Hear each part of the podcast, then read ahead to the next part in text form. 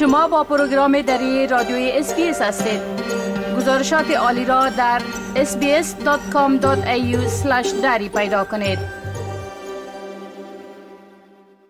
شنونده های عزیز گزارش ها در مورد قیمت املاک و منازل در ماه گذشته یعنی ماه می نشان میده که بلند رفتن متواتر نرخ سود هنوز هم افزایش قیمت منازل در استرالیا مهار نکرده و باز هم قیمت ها در سراسر کشور بلند رفت.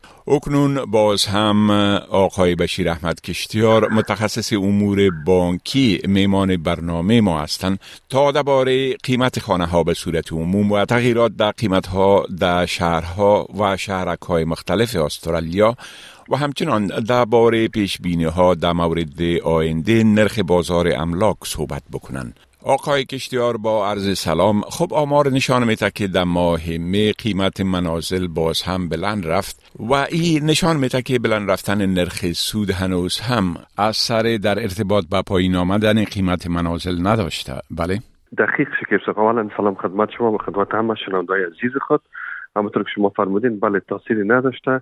اگر ما در سطح سرتاسری استرالیا در نظر بگیریم در ماه می قیمت منازل صفر اشاره با وجود که اندک است اما بالا رفته. صفر اشاره نو فیصد بالا رفته در سطح ملی.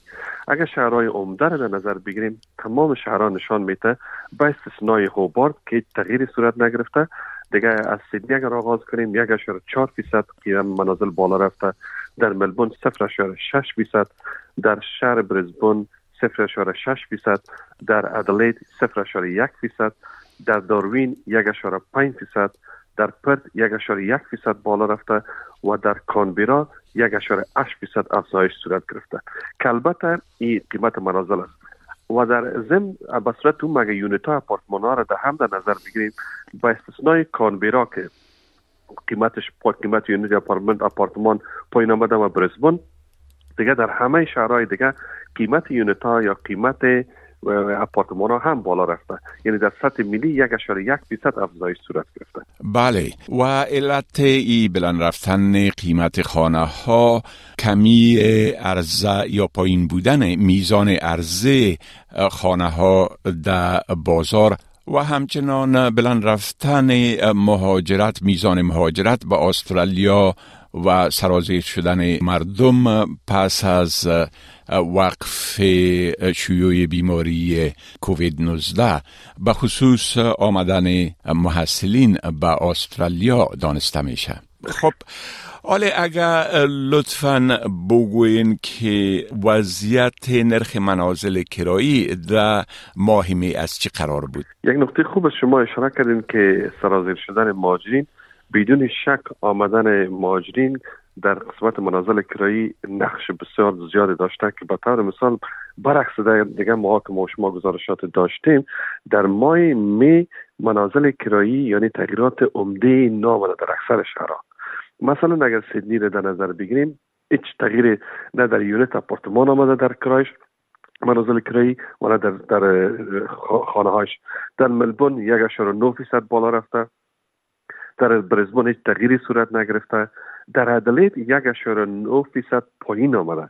در پت هیچ تغییری صورت نگرفته. در کانبیرا همچنان هیچ تغییری صورت نگرفته. در اشاره نو فیصد بلند رفته و در داروین سه فیصد بالا رفته. که البته اگر در سطح ملی در نظر بگیریم سر استرالیا هیچ تغییری در کرایه منازل کرایی صورت نگرفته. اما یونیت را در نظر بگیریم به صورت ملی سرتاسری دو دو فیصد بالا رفته در کرایه منازل بله یعنی به صورت عموم نرخ کرایه خانه ها در ماه می نسبتا ثابت بوده. خب در ماه جون باز هم بانک خزانه نرخ سود به پیمانه 0.25 فیصد بلند برد. با این افزایش در باز پرداخت ماهانه قرضه طور مثال یک قرض مبلغ 500 هزار دلاری از آغاز بلند رفتن نرخ سود در ماه می سال گذشته تا حال چی مقدار افزایش به عمل آمده؟ شکیب با باید بگیم که آخرین افزایش در نرخ سود بلندترین میزان در حدود 11 سال گذشته نشان میده یعنی اگر ما به سطح اوسط نرخ 6 فیصد که اکثرا اوریج در نظر بگیریم در یک بعد از افزایش صورت گرفته یعنی نرخ اوسط 6 فیصدی در یک قرضه 500 هزار دلاری 80 دلار افزایش صورت گرفته. در 750 هزار دلار 120 دلار افزایش صورت گرفته. در یک میلیون دلار 160 دلار افزایش صورت گرفته. یعنی بر علاوه باز پرداخت مالی قبلی که داشتن این مقدار اضافه شده پس از افزایش اخیر یعنی به طور ساده اگر بگیم در هر 100 هزار دلار قرضه بعد بعد تقریبا 16 دلار باز پرداخت اضافی بر علاوه که قبلا میزن علاوه شده. یعنی این صرف دمی ماه می که افزایش می بله بله دقیق. بله. خب میشه بگوین که پیش بینی ها برای آینده در ارتباط به قیمت منازل رهایشی در استرالیا چیست و چی گفته میشه که نرخ سود باز هم بلند خواهد رفت یا نه؟ بدون شک پیش بینایی که صورت گرفته و ارقامی که من در دست دارم پیش بینایی وجود داره که نرخ دیگه هم بالا میره اما اینکه به چی پیمانه نظریات متفاوت وجود داره. چهار بانک البته کامل بانک و سپاک نب و اینزد است.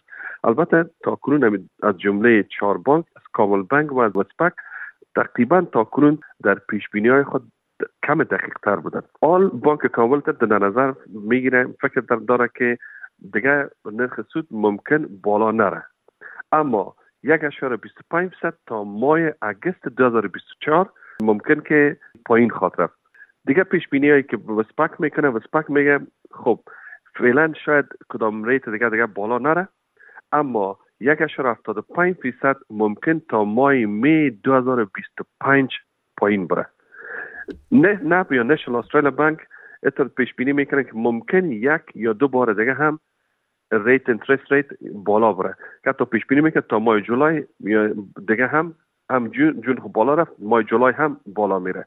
اما اتر پیش بینی دارن که تا جولای 2024 نرخ سود 0.75 فیصد پایین خواهد رفت.